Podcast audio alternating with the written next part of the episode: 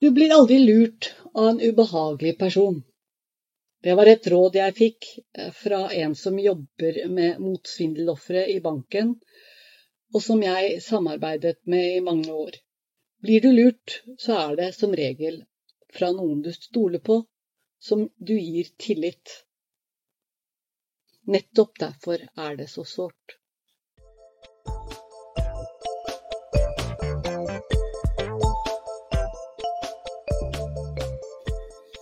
Tokerud-Lia blir fortalt av styret at de måtte stemme på vedtektene for ikke å bli saksøkt, hvilket åpenbart er feil.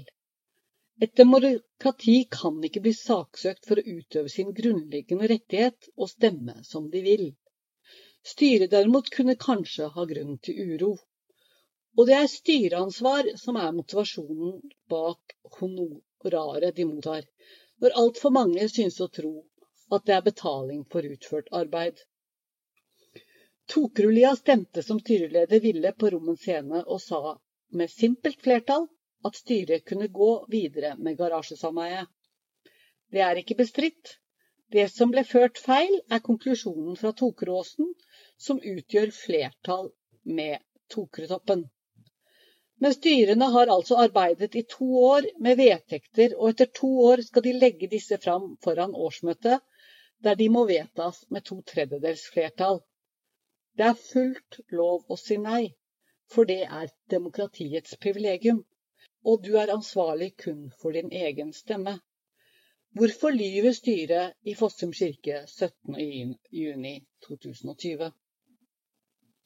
Styreleder Kristian Engestad er advokat, og enten mister han faktum at et garasjesameie der han har blitt utnevnt til leder med timepris på 2000 kroner, ikke ble vedtatt på Rommen scene, eller opptrer han illojalt?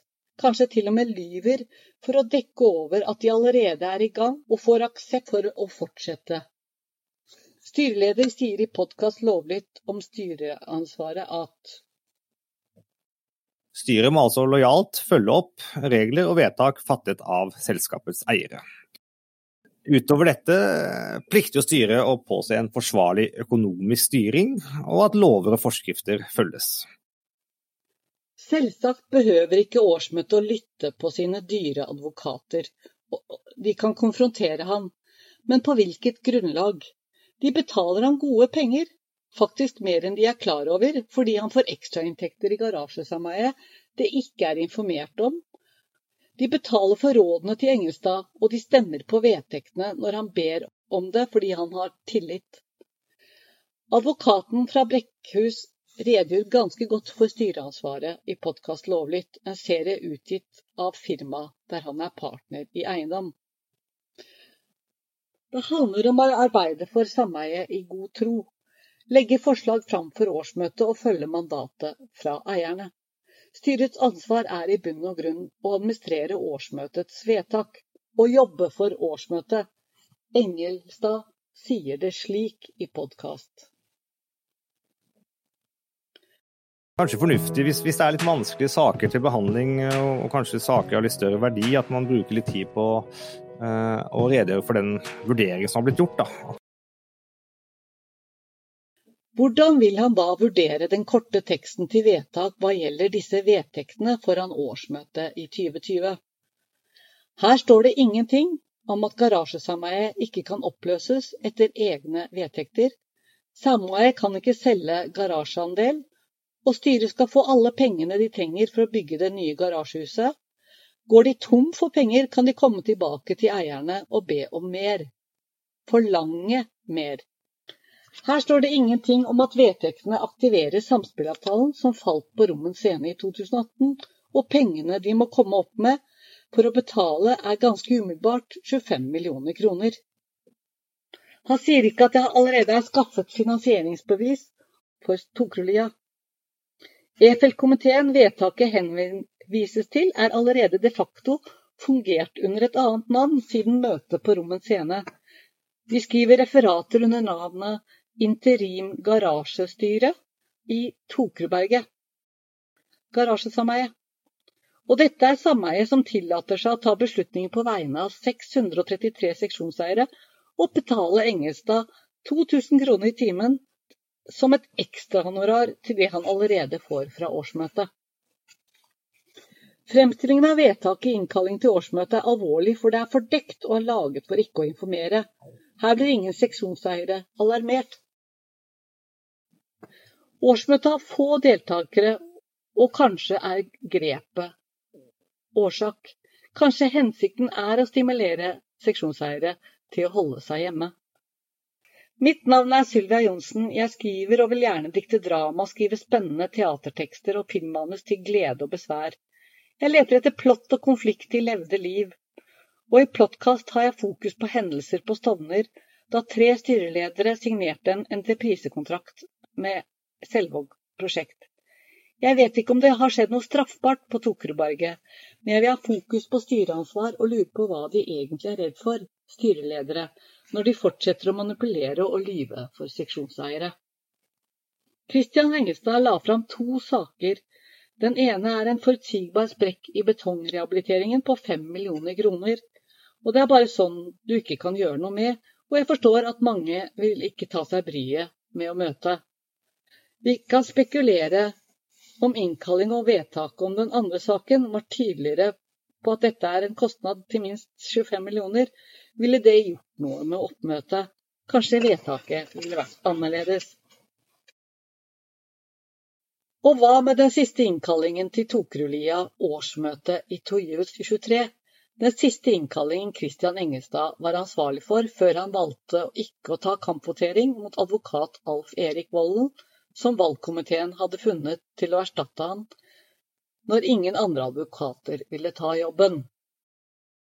Den siste innkallingen til årsmøtet 18.4., altså april 2023, som for meg av uskjønte grunner er flyttet til 2.6.2023, inkluderte et spørsmål fra seksjonseier blant de innkomne forslagene. Seksjonseier Else Bakke ba om at følgende ble satt på sakslisten. Garasjesaken A. Hva har styret gjort? Og B. Hvor står saken nå? Det kan muligens være en oppfølging fra fjoråret, da styret avviste et forslag om å søke riving av bygget, med begrunnelsen at de allerede hadde en tillatelse til å rive i Oslo kommune. Vel, huset er ikke revet, og det har gått fem år siden styreleder signerte samspillavtalen. Om spørsmålet fra seksjonseier sier styret bare, og de gjør det uten å innstille til vedtak, slik som i det andre innkomne forslaget på agendaen, om varmepumper. Styret vurderer at forslaget er besvart med informasjonen gitt under styrets arbeid. Betyr det at de gikk til votering, eller ble det ingen votering? Jeg vet ikke, for jeg har ikke brydd meg om å lete opp protokollen. Det må være grenser for hvor mange bagateller du skal fotfølge, og hvor mange løgner du skal avsløre for et illojalt styre før du begynner å gi opp. Men jeg har lest fra årsrapporten i styret og kommer til side ni i sakspapirene som ikke er nummerert. Og der, under overskriften E-feltet slash gjestegarasjen, står et par halvsannheter som etter at Åsen og Lia bestemte for å bygge nytt garasjehus i det felles ekstraordinære sameiemøtet som ble holdt på Rommens scene 23.10.2018, stanset framdriften i prosjektet da toppen nektet å føye seg for flertallet. Og det fortsetter med Samarbeidsklimaet bedret seg senere på året, trolig pga. forføyninger. Oslo tingrett 17.3.2022, som nektet dem å benytte sokkeletasje. Og kanskje den største løgnen av dem alle er at de ramser opp flere alternativer som har blitt vurdert. De viktigste er A. Rive dagens bygg og bygge et nytt tilsvarende bygg. B. Nytt bygg i én etasje med plasser på taket. Dette for å tilfredsstille dagens parkeringsnorm. C. Rive nåværende bygg og kun parkering utendørs på bakkenivå. D. Rehabilitere nåværende bygg. Før styret tar imot og ville rehabilitere nåværende bygg, forbereder sameiet på en kostnad rundt regnet ca. 46 millioner kroner, så må jeg påpeke at Tokerudliet har aldri sagt de vil rehabilitere garasjehuset. De har aldri blitt forelagt rehabilitering på årsmøtet, og det har heller ikke Tokeråsen. Rehabilitering har vært forelagt i Tokerudtoppen, og de vedtok at de ønsket det. Og styret med ny styreleder Lars Christensen gikk følgelig til verks og fikk et prisestimat for Consolvo som var langt under hva Selvåg prosjekt leverte. Men det er uansett ingen tvil om at kostnadene vil overstige hva årsmøtet i Tokerudtoppen forutsatte, nemlig det skal ikke overstige 30 millioner kroner. Men for å si det klart og tydelig, Verken Tokrelia eller Tokråsen har vurdert på årsmøtet a. å rive dagens bygg og bygge nytt tilsvarende bygg, som i dag, over to plan. b. Nytt bygg i en etasje med tak som tilfredsstiller dagens parkeringsnorm. Eller c. Rive nåværende bygg og kun parkere utendørs på pakkenivå. Eller altså da det som styret ser ut til å gå for, rehabilitering nåværende bygg. Det siste punktet imidlertid synes styret å favorisere fordi Tokrudoppen vurderer det slik. De andre, Tokerudlia og Tokeråsen og det skjedde på Rommet scene, har kun fått forelagt å rive og bygge nytt garasjehus over tre plan. Mens punkt A er hva styret faktisk endte med å søke i 2020. Selvåg trenger ny kontrakt for å bygge over to plan, fordi samspillavtalen er ikke gyldig, og de vet det. Punkt C om å rive, som er hva E-feltkomiteen vurderte som mest realistisk året før Engestad ble valgt, og før styreledere signerte samspillavtalen, falt når seksjonseiere i fjor foreslo det. Styret sa for å stoppe forslaget at sameiet allerede hadde fått godkjent å rive, hvilket er en stor halvsannhet, hvis ikke en løgn. For de har fått tillatelse fra Oslo kommune om å søke om å rive for å bygge to etasjer. Plan- og bygningsloven er klar på at de kan ikke gjøre bare det ene uten å gjøre det andre. Hva de heller ikke sier noe om i årsrapporten fra styret, er at i Oslo kommune ligger det fortsatt et aktivt prosjekt, en søknad som Christian Engestad og Nader Ali leverte i begynnelsen av juni 2020. Og det til tross for at de samme to styrelederne publiserte et brev til alle seksjonseiere 16.12.2021 som fortalte at de går fra prosjektet. Det stemmer ikke med virkeligheten, og hvem svindler egentlig hvem? Søknaden ble levert i navnet til Tokerudlia med kontaktinformasjon som mobiltelefon og e-post til leder i interimstyret, som er Engelstad. Det merkeligste med den er at søknaden er sendt inn og levert fra styreleder i Tokeråsen, og signert med deres styreleder Nadir Ali. Hvorfor gjør de det på denne måten? En tanke er at de vil levere søknaden i navnet til det sameiet der det er minst motstand, for Engestad har størst tillit. Og således ønsker de ikke å bli oppdaget når Oslo kommune registrerer søknaden og behandler den på sine egne nettsider. Normalt skal godkjenning ta seks uker og bygging tolv uker. Går alt etter planen, kan bygging av garasjehuset være godt i gang når folk kommer tilbake fra fellesferien.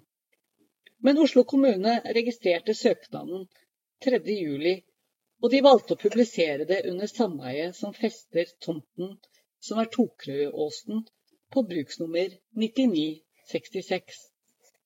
Altså Først skal seksjonseiere på årsmøtet i Tokeråsen møtes 30.6.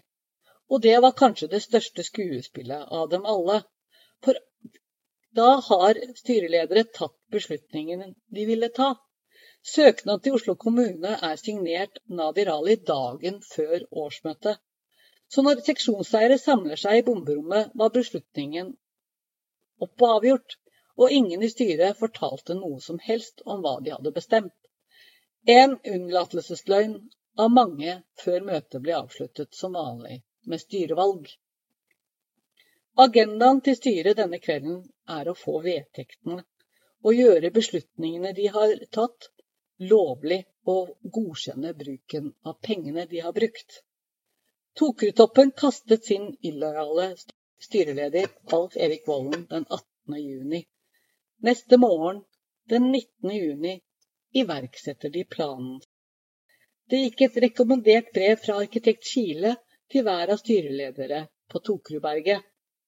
Det er lovens krav til nabovarsel, Og til tross for at Volden mistet jobben kvelden før, vil jeg tippe at styreleder mottar nabovarselet. Og ikke den nye styrelederen i Tokerudtoppen som ble valgt kvelden før. Faktisk vil jeg spekulere i at nabovarsel blir sendt denne dagen, 19.6, nettopp fordi Volden mistet jobben dagen før. Når jeg snakket med arkitekt i Kile noen uker etter årsmøtet, husker han ikke hvem som var mottaker av de rekommenderte brevene. Straks nabovarselet går fra hans kontor, begynner en klokke å tikke, og sameiene, som er nabolaget, har 14 dager til å svare før entreprenøren starter.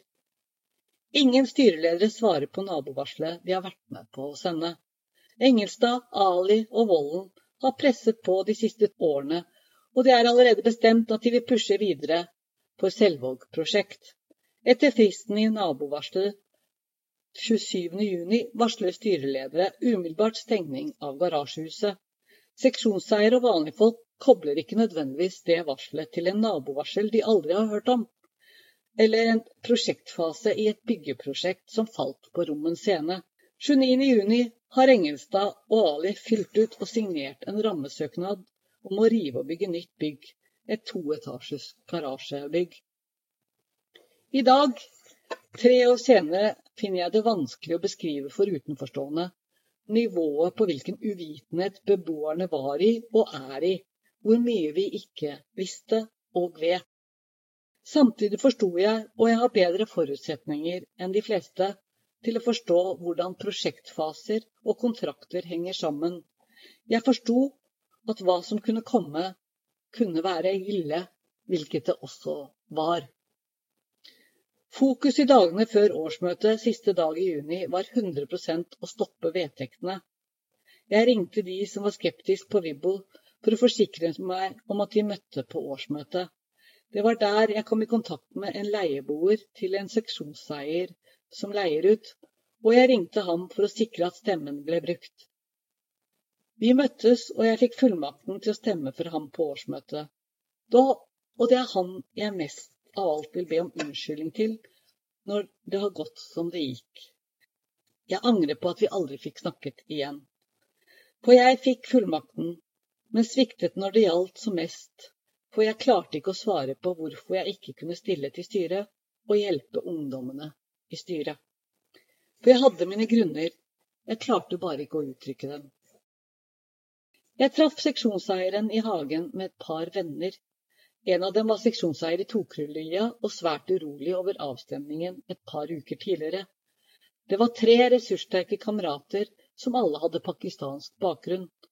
Og det var de som pekte på at flertallet i styret, styreleder, hans fetter og barndomskamerat Soleman Razak, var samme generasjon, yngre enn dem, og fra hva de forsto, åpenbart i behov for hjelp. Jeg forsvarte styret litt, for jeg trodde på dette tidspunktet at styreleder, men også styret i forlengelse, hadde blitt lurt. Men hvis dette er en svindel, så var det en avansert svindel. En som omfatter en sammenblanding av roller og koordinert kommunikasjon egnet til å villede og dytte prosjektet videre. Svindelen fungerer ikke uten vedtekter, og Selvåg kan ikke utforme sameiets vedtekter. Når jeg gikk, gjentok han et spørsmål som kom opp i møtet. Han spurte hvorfor ikke jeg stilte til styret, og jeg ville ikke det, men der og da klarte jeg ikke å forklare hvorfor. Og det var ikke fordi jeg var redd for arbeidsbyrden, eller engang redd for å tape avstemningen. Nei, det var ikke grunnen.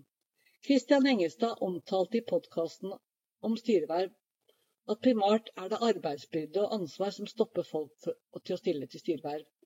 Og det var ikke det. Det sto klart for meg at under riktige forhold kunne jeg utvilsomt stilt til å hjelpe styret, slik seksjonseieren ba om. Blant de som er interessert, mm. så er vel min opplevelse at det er to hovedbekymringer. Det, det ene handler om arbeidsmengde eh, og, og kapasitet. Og det andre handler da om det ansvaret man, man påtar seg. Eh, det første kan nok ikke jeg eh, gjøre så mye med, men, kan, men, mitt håp er at jeg i dag kan bidra til å berolige folk når det gjelder dette med ansvar. For det er en gang slik at terskelen er, er svært høy, og mhm. dersom man gjør en samvittighetsfull jobb for å ivareta selskapets interesser, ja, da skal det veldig mye til for å komme i ansvar. Jeg er helt enig med Kristian Engestad her. Styreverv er ikke noe å være redd for. Og det er ikke farlig. De som stiller til styret og tar ansvar, er mine helter. Jeg tror på brukerstyring. Er det én ting jeg vil beklage i ettertid, var det at jeg ikke klarte å svare denne seksjonseieren som lette etter løsninger, for jeg visste hvorfor det ikke var aktuelt for meg å stille til styret i 2020. Før årsmøtet 30.6 var det unektelig et spørsmål å stille, for det ble diskutert hvem som kunne gå inn og hjelpe dem. Jeg var ikke alene om å tenke at styret trengte hjelp, selv om de ikke forsto det selv. Men jeg visste også at det kunne ikke være meg. Jeg er annerledes enn søsteren min, som var tidligere styreleder. Et skille er at jeg er mer kompromissløs enn henne, der Vivian ofte liker rasjonelle og praktiske valg. Jeg vil verdsette mer prinsipielle standpunkt. Jeg kunne ikke gå inn i styret av en så enkel grunn som at året før, på årsmøtet 2019, hadde jeg sagt offentlig, klart og tydelig, at jeg ikke hadde tillit til styreleder fordi han løy. Jeg vet ikke hvor mange som husker det, men jeg husket det, og jeg hadde simpelthen ingen tillit til styreleder, og det var detaljer. For på tidspunktet visste jeg ikke nok, og var blant ytterst få som tenkte at den løgnen var viktig. Styremedlemmer fortjener å ha gjensidig respekt til hverandre, noenlunde harmoniske arbeidsforhold, selv om det er uenighet og det skjer skarpe voteringer. Men jeg hadde mistet respekt for styreleder, og skulle jeg ønske det var annerledes? Ja, det gjør jeg. Men vi er ulike mennesker, og noen ganger må det være som det er. Det kan virke så absurd i dag, for styreleder har løyet så mange ganger siden den gang.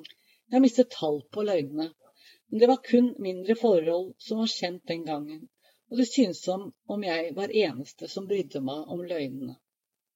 Ingen tenker at det var nødvendig å kaste styret. Selv ikke jeg. Det viktigste var å gi dem riktig retning. Det var utenkelig, som jeg så det, at styret ville bryte årets vedtak, lover og vedtekter. Hva ingen visste, var at styreleder planla å rive og bygge. De hadde allerede vedtatt det, og styreleder Nader Ali ville avholde årsmøtet den 30. juni uten å fortelle det til sameiet han ledet. Når jeg forteller folk hvordan det var i 2020, hvor lite seksjonseiere visste, tror de meg ikke. Det er så absurd. Hvordan er det mulig at seksjonseiere i et sameie ikke får vite hva styret gjør? Svar på spørsmål. Hvilke prosjekter de bruker penger på. Vi vet ikke hvor mange styremøter det er, hva de voterer over, hvorvidt de voterer. Alt vi ikke visste på årsmøtet i Tokeråsen 30. juli. Alt jeg snakket om i podkast frem til nå, som ikke blir snakket om på årsmøtet i Tokeråsen 30. juni. Og alt jeg ennå ikke har fortalt. Mitt navn er Sylvia Johnsen, og jeg vet ikke om det har foregått noe straffbart på Tokerudberget, men det var mye seksjonseiere ikke visste før, etter og under årsmøtene på Tokerudberget 2020 og hvem har skyld i det? Vurderingen sommeren 2020 var at hva sameiet trengte, var nytt styremedlem som kunne gå i dialog og hjelpe styret i riktig retning. Det var hva enkelte trodde. Det er lett å tenke på ungdommens hybris og utelukke andre og mørkere scenarioer.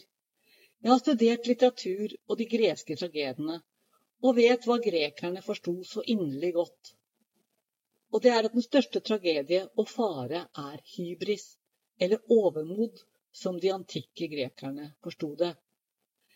Deres tid var krigersk, og demokratiet var ikke mer folkelig enn at adelens sønner fikk jobbene som offiserer med kommando i hæren.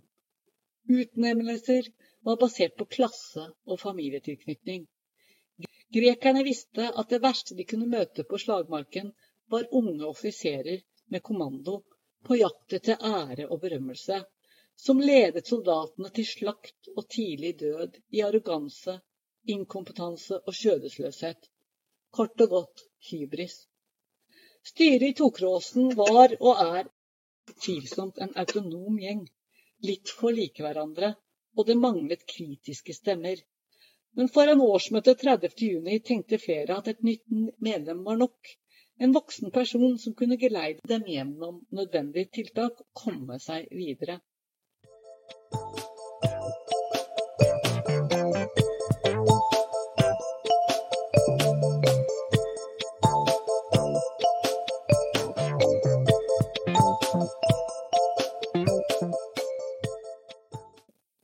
Årsmøtet 30.6 stemte ned vedtektene. Det var nødvendig å ha en tredjedel av stemmene for å stoppe dem, og når stemmene ble talt, var det to tredjedel av stemmene som sa unisont nei.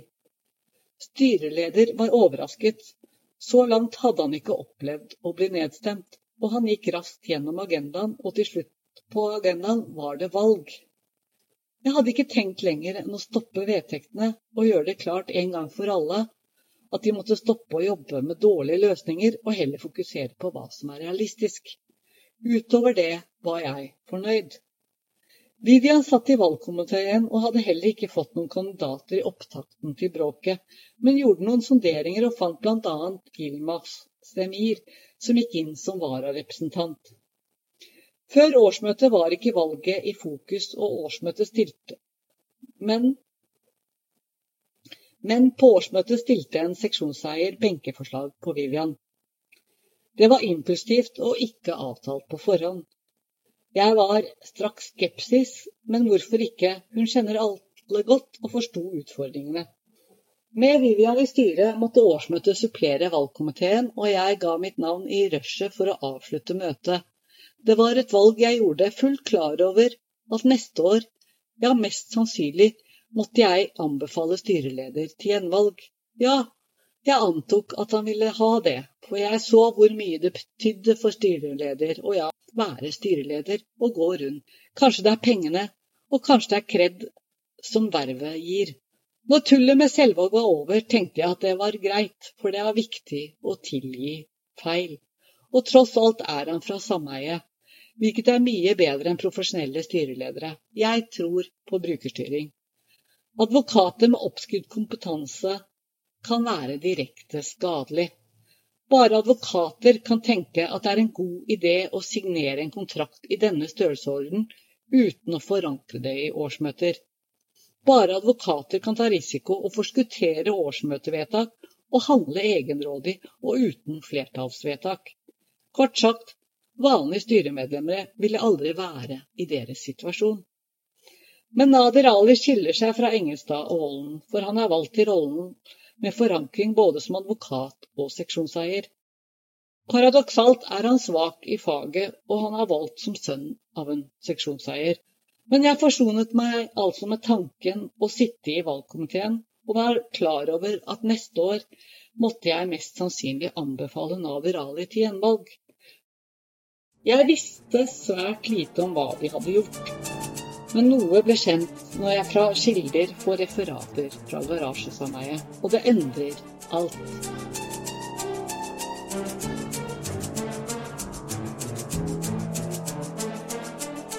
Styret har før 30.6 allerede bestemt at de vil bygge et garasjehus i to etasjer uten årsmøtevedtak. Skal du lete etter årsak på hvorfor de søker å gå videre 2020, kan det være plan- og bygningsloven en forklaring. Loven sier at å rive og bygge et bygg som i dag, er enklere å få godkjent. Faktisk, hvis det ikke er for dispensasjonen til en lekeplass på toppen, så trenger de ikke å, sende inn en søknad overhodet. Styreleder har dagen før årsmøtet signert på en bindende rammesøknad i Oslo kommune om å bygge nytt garasjehus over to plan. 29.6, dagen etter fristen å svare naboer varselet gikk ut, er de i gang. Argumentet for to etasjer kan være så enkelt som at det gir mindre papirarbeid for Selvåg prosjekt. Men boligsameier bygger ikke for å tilfredsstille entreprenører, selv om det kan virke sånn på styreledere i Tokroberget. Referatet fra garasjestyret viser også at vedtak om honorering utenfor årsmøtet gjør at de kanskje ikke er helt habile. Det åpner for at dette faktisk dreier seg om penger, ikke en avtaletabbe som sklir ut. Det er umulig for meg å fortelle omfanget av sameiets uvitenhet den gangen, og fortsatt, uten å snakke om hvordan jeg opplevde det hele. For det var så uhørt for meg at noen kunne opptre så grunnleggende udemokratisk og tro at det er greit. Jeg vil gå til podkast Lovlytt, der Christian Engelstad i 2020 snakker om styreansvar og en dom mot et styre som fikk et slapp på hånden dom jeg kort, kort kan nevne, eh, omhandlet eh, et styre som hadde fattet eh, vedtak om å rive eh, en garasje og bygge ny, eh, uten å involvere generalforsamlingen eh, i den beslutningen. Og Der kom Høyesterett til at dette, dette var ikke akseptabelt, og at de burde vite at en sånn type beslutning krever samtykke. Det er nettopp hva interim garasjestyre har gjort. De har tatt en beslutning om å bruke titalls millioner kroner uten gyldig vedtak, og de har opptrådt uaktsomt. Og straks klaget jeg derfor advokatene Volden og Engestad til disiplinærnemnda. Jeg klaget ikke Nadir Ali fordi han på tidspunktet var jurist, og de ville ikke tatt saken. Nadir Ali valgte på årsmøtet 2020, straks det var over, å ta sommerferie og utsette konstituering av det nye styret til august. To måter ville han styre alene. Jeg tenkte han var i sjokk og hadde mye å tenke over. Pandemien preget avisene. Været var bra. Jeg forventet ikke mer tull. Det var uansett ikke mer jeg kunne gjøre. Ideelt kunne jeg lent meg tilbake, la styret jobbe i fred og ro og vente på valgkomiteens arbeid neste sommer.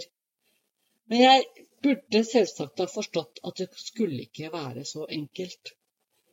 Vedtektene de la fram var avslørende og verre enn jeg mistenkte at de ville være. Det var viktigere enn noensinne å stoppe planene til Selvåg. Jeg gikk ledig, kom meg ikke av gårde, og forsøkte febrilsk å dra på ferie, men flyene ble avlyst, én etter én. En kommentar fikk meg til å tenke på prosedyrer rundt det å få banklån. Og siden jeg har jobbet 16 år i en bank, ble jeg nysgjerrig på hvordan det faktisk foregår. Jeg visste at styret hadde søkt rammelån i Obos-banken, og i etterdønningen av årsmøtet, i en ledig stund, et par dager etter, skriver jeg på impuls spørsmålet til Obos-banken, og det var bare det, et spørsmål for å forstå prosedyrer. To dager senere ringte telefonen. På andre siden satt en saksbehandler i Obos-banken og sa at det brevet jeg sendte, der jeg også ga bakgrunn og fortalte banken at styret manglet mandat om å ta lån, ja, nettopp, i det brevet jeg pekte på problemer, ja, det hadde fått konsekvenser. For banklånet hadde blitt stoppet. Saksbehandleren fortalte at de sendte avslag til forretningsfører Lillian Slåen 29.6, fordi, som saksbehandleren sa, manglet styret gyldig dokumentasjon, og styret trengte å ta en ny generalforsamling. Ja, det stemmer. Banken sendte e-post til forretningsfører Lillian Slåen 29.6, den samme dagen Nader Ali signerte søknad om å bygge ny garasje. Banken visste ikke om styret var informert, men fra hva vi vet om forretningsfører Slåen, var hun nok raskt på labben til å varsle styreleder. Det var dagen før årsmøtet. Både Nadir Ali og Lillian Slåen satt inntil hverandre på ordstyrebordet neste dag, da det var årsmøte. Ingen fant det opportunt å fortelle om avslaget. De fortalte heller ikke om søknaden om å bygge garasjehus i Oslo kommune, eller ga noe som helst informasjon om arbeidet med Selvåg prosjekt. Ingenting fortalte de til årsmøtet, og det er også en form for løgn. Jeg ble overrasket når banken ringte, men var også veldig glad for nyheten. Banken fortalte at prosjektet ikke var kommet langt i prosjektfaser, som er hva jeg mest av alt fryktet. Det er viktig fordi status på samspillavtalen og prosjekt kan ha betydning for erstatningsbeløp dersom det faktisk foreligger et erstatningsansvar, hvilket jeg ikke hadde grunn til å tro. Men jeg visste ikke. Hvorvidt det var ansvar spill, avhenger av status på avtalen styreledere signerte, og der var jeg og styret sterkt uenig, for jeg mente det holder å hevde at årsmøtet ikke er gyldig. Styreledere insisterte imidlertid på at det var gyldig. Da er neste spørsmål om samspillavtalen er det. Avtaleteksten vi kjenner åpner for raske endringer på e-post, og det kunne virke som om den var aktivert av styreledere, til tross for at flertallet sa nei til et fjerde sameie. Jeg er først og fremst glad for at Obos-banken var enig med meg om at styret trengte å holde et nytt årsmøte. Nyhetene var gode nyheter for sameiet. Det innebærer at pengene ikke var utbetalt. Medio juli hørte jeg rykter om et stort felles styremøtetreff på alle styremedlemmene i tre sameier, der Nader Ali og Engestad inviterte. Faktisk fortalte Nader meg om møtet en dag vi møtte han ville si at han hadde fine samtaler, og syns ikke å ha forstått at det å holde slike samtaler med alle styremedlemmer, bortsett fra de nyvalgte medlemmene Vivian og to nye vararepresentanter, ikke er helt i tråd med forutsetningene for å innkalle et styre. Styret er valgt av årsmøter, og du kan ikke velge hvem du vil invitere. Dessuten forsto jeg utmerket godt hvorfor det skjedde. Styreledere begynte å forstå at det brant under føttene deres, for garasjestyret med alle sine beslutninger hadde ikke mandat. Det kalles juridisk forankring, det de nå gjør. Kort fortalt var styreleder Christian Engestad Nadir Ali opptatt av å orientere andre styremedlemmer om hva de hadde gjort for å gjøre dem medskyldig. Framfor å ta konsekvensene av egne handlinger, gjør de hva de kan for å trekke resten av styremedlemmene inn i eget ansvar. Litt som Alf Erik Volden ikke stilte som bestiller i samspillavtalen, men lot styremedlem Terje Benjaminsen være stand-in, skulle noe gå galt. Denne sommeren gikk ting skikkelig galt. Og de var interessert i å holde styremedlemmer redde for hva som har skjedd, når faktum er at skyld henger langt på vei på styreledere, og kanskje medlemmer de har tatt med seg i garasjestyret. Men det er også sant at loven ser forskjellig på styremedlemmer ut fra hvilken rolle de har. Her, her handler det også om eh, altså litt ned på det individuelle plan. Og, og, Der kan det jo være forskjeller mellom styremedlemmene. Eh, og, og F.eks. en advokat eh, så, som sitter som en ekstern styremedlem eller styreleder inn i et boligselskap, vil nok bli vurdert fra en normal eller en streng aktsomhetsnorm. Styreledere har et spesielt ansvar. Og hvis de har oppnådd noe de siste to-tre årene etter sommeren 2020, er det ikke å rive garasjehuset, men å forankre egne feil i styret. Jeg beskylder Nadir Ali for å prøve å forankre prosjektet i sameiet på årsmøtet 2021. Det er farlig for oss, fordi kostnadene er enorme og de setter oss i gjeld de neste 30 årene. Men han nektet å forstå hva jeg mente og samtidig viser han alle tegn på at han forstår. Når Vivian endelig møter i konstituerende møte i august, er det allerede neste dag et møte i garasjestyret, og Vivian går inn med Remi som nyvalgt. Akkurat som Volden møter Ali nå bare i rollen som styreleder. Et referat foreligger ikke fra møtet som samlet styrene sommeren 2020 ikke som jeg vet om. Kanskje fordi det ikke går å unngå å legge merke til at Nadir Ali møtte med et styre som manglet tre nyvalgte representanter. Og garasjestyret som Vivian gikk i, referatet der mangler kanskje fordi styreleder Engestad i det møtet beviser at han har ikke forstått plan- og bygningsloven og sin egen søknad til Oslo kommune. Sannheten er at det var for sent å forankre søknaden. Den var allerede sendt. Og det er ikke bare å endre sånn uten videre. Nå, midt i sommerferien, var budskapet de sendte ut, det samme budskapet Ivar Solvang hadde fortalt dem, nemlig at ingenting er hogget i stein. De ville søke et mindre bygg og be om lavere parkeringsnorm. Denne saken gjelder til å begynne med en garasje der Christian Engestad ledet et liksom-styre som vedtok å bygge nytt. Han var advokat og burde visst bedre. Han vet helt sikkert at de ikke kan innkalle til styremøte for å forankre hendelser uten å invitere valgte styremedlemmer. Det kunne virke som om Nadir Ali sleit med å forstå egen rolle, og med volden ute av loopen gjør styreledere små feil. Sladder gikk rundt, men det var på Vibbo Nadir og Remi publiserte en artikkel 17.07 som fikk meg til å begynne å lure. For de snakket om et årsmøte som stemte ned vedtektene som om det ikke betydde noe. De snakket fortsatt som om vedtaket på Rommen scene gjelder. Det var surrealistisk. Nå vet ikke jeg hva styreledere forstår om avtalerett. Det er et faktum at advokater har lurt oppfinnere og gründere til å skrive fra seg alle verdier ved å inngå hva de kaller intensjonsavtaler. Slike svindler finnes det mange eksempler av i næringslivet.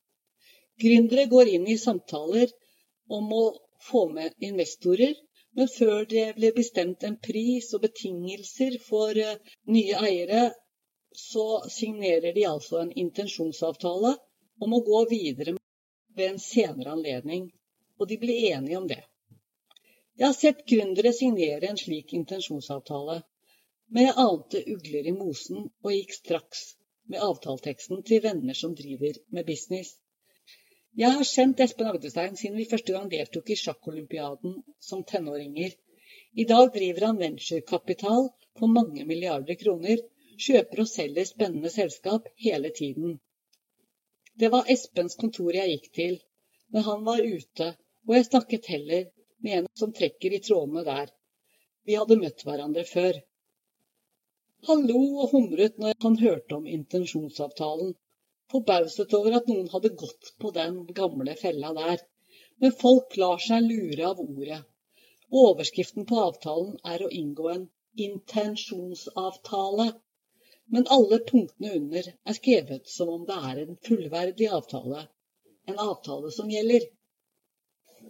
Samspillavtalen bærer samme egenskap, for ordet virker harmløst nok men hvis du leser teksten, er det en komplett avtale mellom en totalleverandør og tre boligselskap.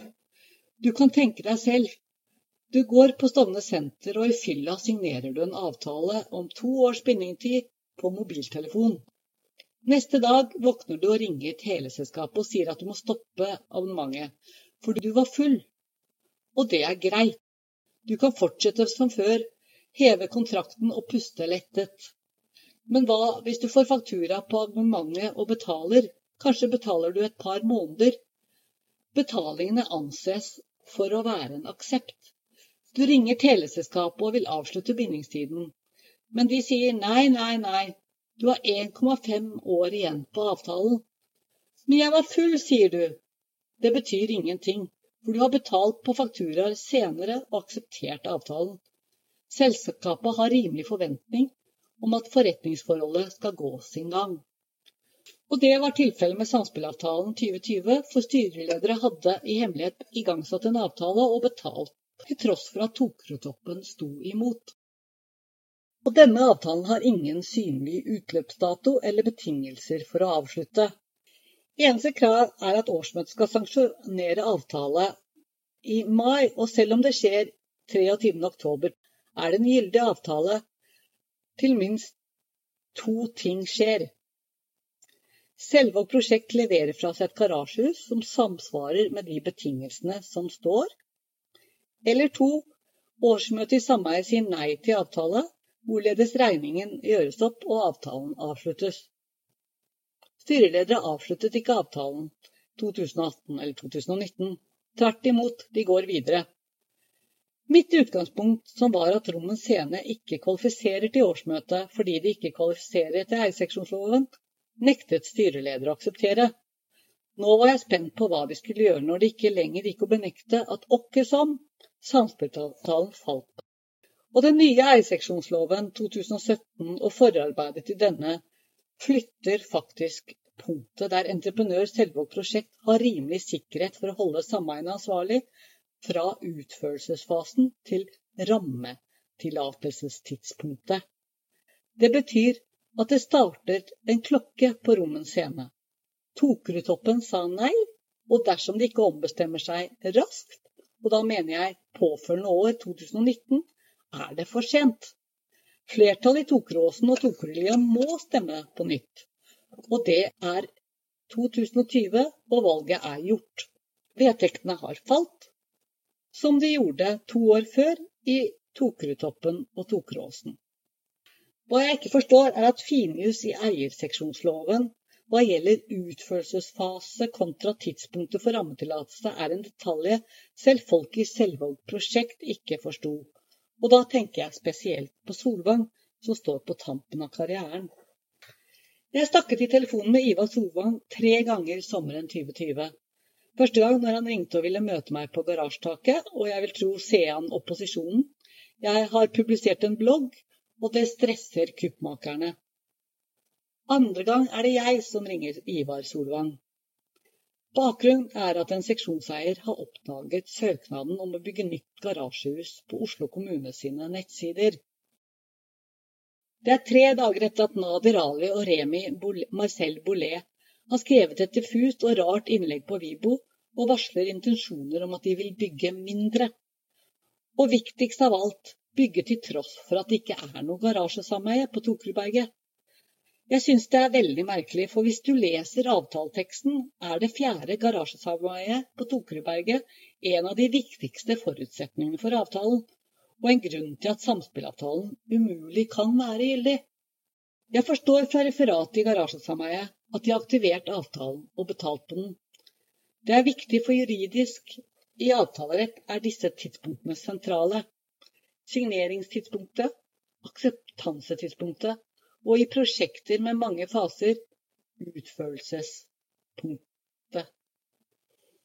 Vi har varslet de vil bygge mindre, og viktigst av alt bygge til tross for at det ikke er noe garasjesameie på Dokreberget. Men denne søknaden åpner for at riving og bygging starter ganske raskt, kanskje så snart som en måned fram i tid. Når jeg forstår hva de har gjort, vil jeg ringe Ivar Solvang, og jeg vil snakke med han for å få han til å si noe som gjør at jeg kan angripe avtalen fra et juridisk ståsted i avtaleretten, og ikke bare eierseksjonsloven, som styreledere og Selvåg helt åpenbart ikke respekterer. Først ringer jeg alle underleverandørene til Selvåg. Kile Stockholm Arkitekter, Norskonsult, R3 og sivilingeniør Sigurd Holsbrekken. Du kan mene det er rart, men det er min bakgrunn i prosjektledelse for store innkjøpsprosjekter, og jeg har lært at du må gå til kilden for å forstå hva de skal levere, og hva det betyr. Jeg er faktisk ganske stolt av min jobb som prosjektleder i Nordea, for dette var en av de tingene jeg var god på. Å snakke med de som jobber i prosjektet, og hva de leverte. For jeg var helt klart bedre enn de fleste av kollegaene mine til å estimere kostnader. Jeg vil ikke snakke med Solvang uten en slik forståelse dette er kanskje noe styreledere og alle i interimstyret også burde gjort, før de lot Ivar Solvang styre skuta på grunn. Det er når jeg graver helt i starten av sommeren etter at Solvang har ringt meg, at jeg aner at noe er galt. En bekjent som har jobbet i tilknytning til Selvågs konsernledelse, får et spørsmål om hva jeg kan få vite om Ivar Solvang i Selvåg prosjekt. Jeg spør min venn om administrerende direktør Ivar Solvang. Jeg får vite at de kun har truffet hverandre på julebord. Hvorfor jeg vil vite om Solvang, er spørsmålet som følger. Jeg erkjenner at det brygger opp til bråk i sameiet, og jeg vil vite hva slags mann som er prosjektleder for avtalen. Det er da jeg får en oppfordring fra min venn. At dersom Selvåg prosjekt har gjort noe galt, må jeg gå hardt til verks. For min venn sier alle vet at Selvåg prosjekt er konsernets søppelkasse. Ivar Solvang har bygget for boligselskap et helt liv, og jeg regner ikke med at han vil bare akseptere at avtalen ikke er gyldig. Men det er faktum at styreledere handlet uten mandat, og jeg vet at Selvåg må ha forstått såpass da jeg ringer Ivar Solvang. Men han ville ikke innrømme noe som helst. Vi er jo advokater alle som en, sier han om styreledere, og erkjenner ingen skyld etter eierseksjonsloven. I vår samtale avslører han for meg at han er en dreven og lur entreprenør, klar over kontraktens irreganger, for akkurat som Alf Erik Vollen er han påpasselig med hva han sier, og sier alle de riktige tingene. Han henviser til de tre styrelederne er advokater når jeg sier at de mangler fullmakt fra årsmøtet. Altså, han er i god tro, de vet jo best. Han avviser å gå fra avtalen, for det kan være et krav om erstatning for tapt fortjeneste. Små spor som viser at direktøren i Selvåg utøver mildt press i styret, hvilket forklarer hvorfor de er så redd ham, og viser alle tegn på å prioritere entreprenøren foran seksjonseiere. Det er som Alf Erik Volden og sporene fra advokaten som fikk fyken.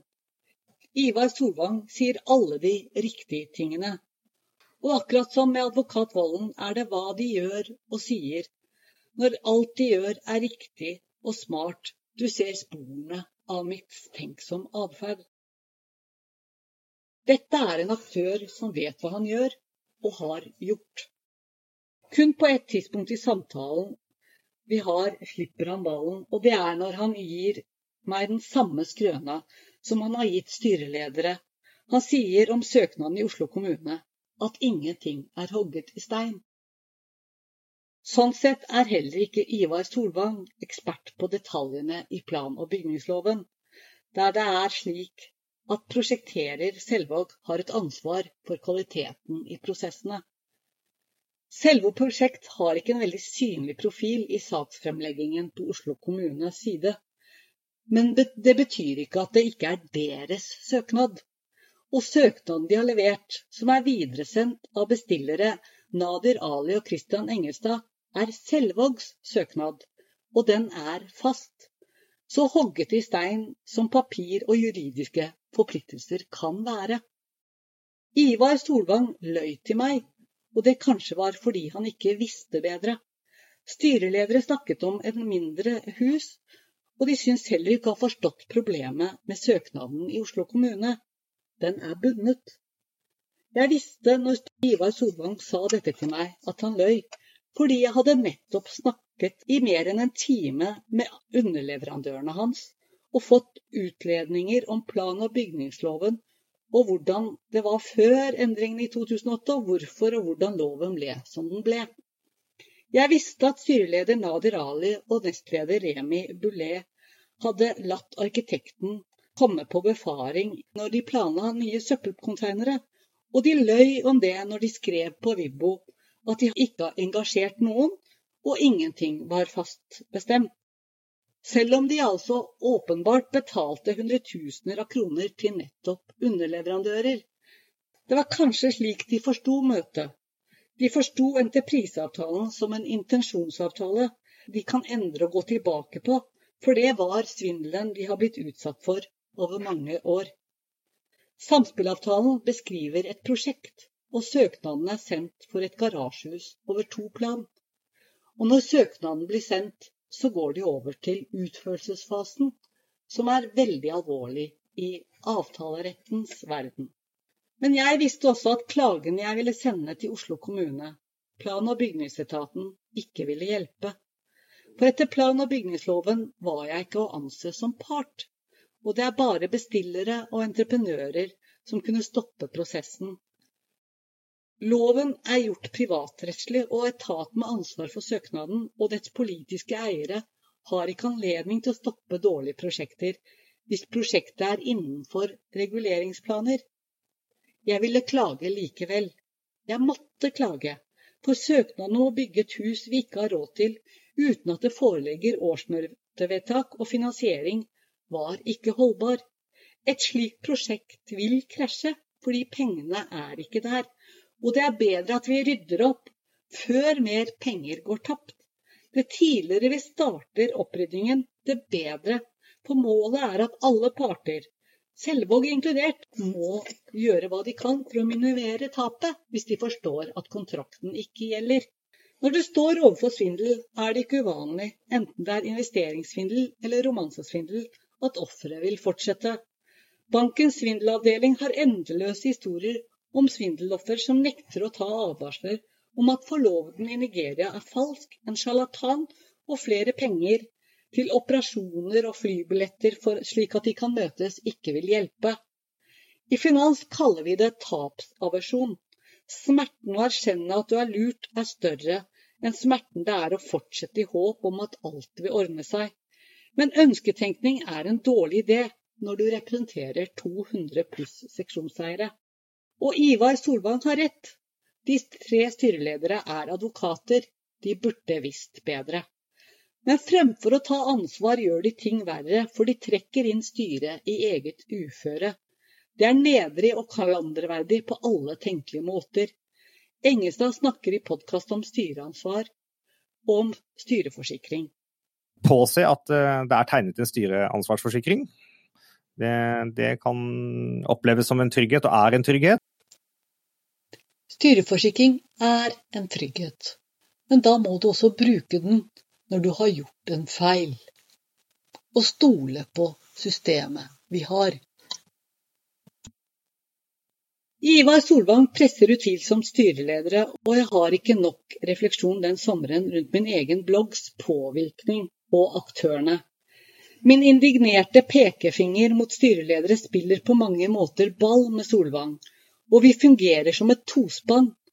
Begge fronter bidrar til å vekke redsel for hva det vil si å stoppe og erkjenne tapet, inkompetansen, feilene. De må gi seg framfor å legge feilen over på andre. De må sende saken til eksterne dommere, forsikringsselskapet, som vil se på hva som har skjedd. Tredje gang jeg snakker med Ivar Solvang sommeren 2020, er like før han til slutt kaster kortene selv. Han ringer meg og starter samtalen med 'hvordan har du det'? Bråk i styret vil straks starte, men det vet jeg ikke, det er pandemisommer. Landsturneringen i Stjørdal er avlyst, og jeg forsøker desperat å dra på sjakkturneringer i utlandet. Så jeg snakker om sjakk og hobbyen min, og han snakker om hans hobby, som er jakt i skogen. Tre flyreiser til utlandet har blitt kansellert denne sommeren, og det skjer noe nytt hver eneste dag som gjør at jeg må oppdatere bloggen. Så jeg sier som sant er, at det går ikke så bra. Jeg sitter på Tokreberget, strandet, prøver å komme meg til utlandet, skriver på bloggen og er generelt veldig frustrert. Jeg sier til Ivar Solvang, jeg har nå langt på vei akseptert skjebnen. Jeg er der Gud vil at jeg skal være.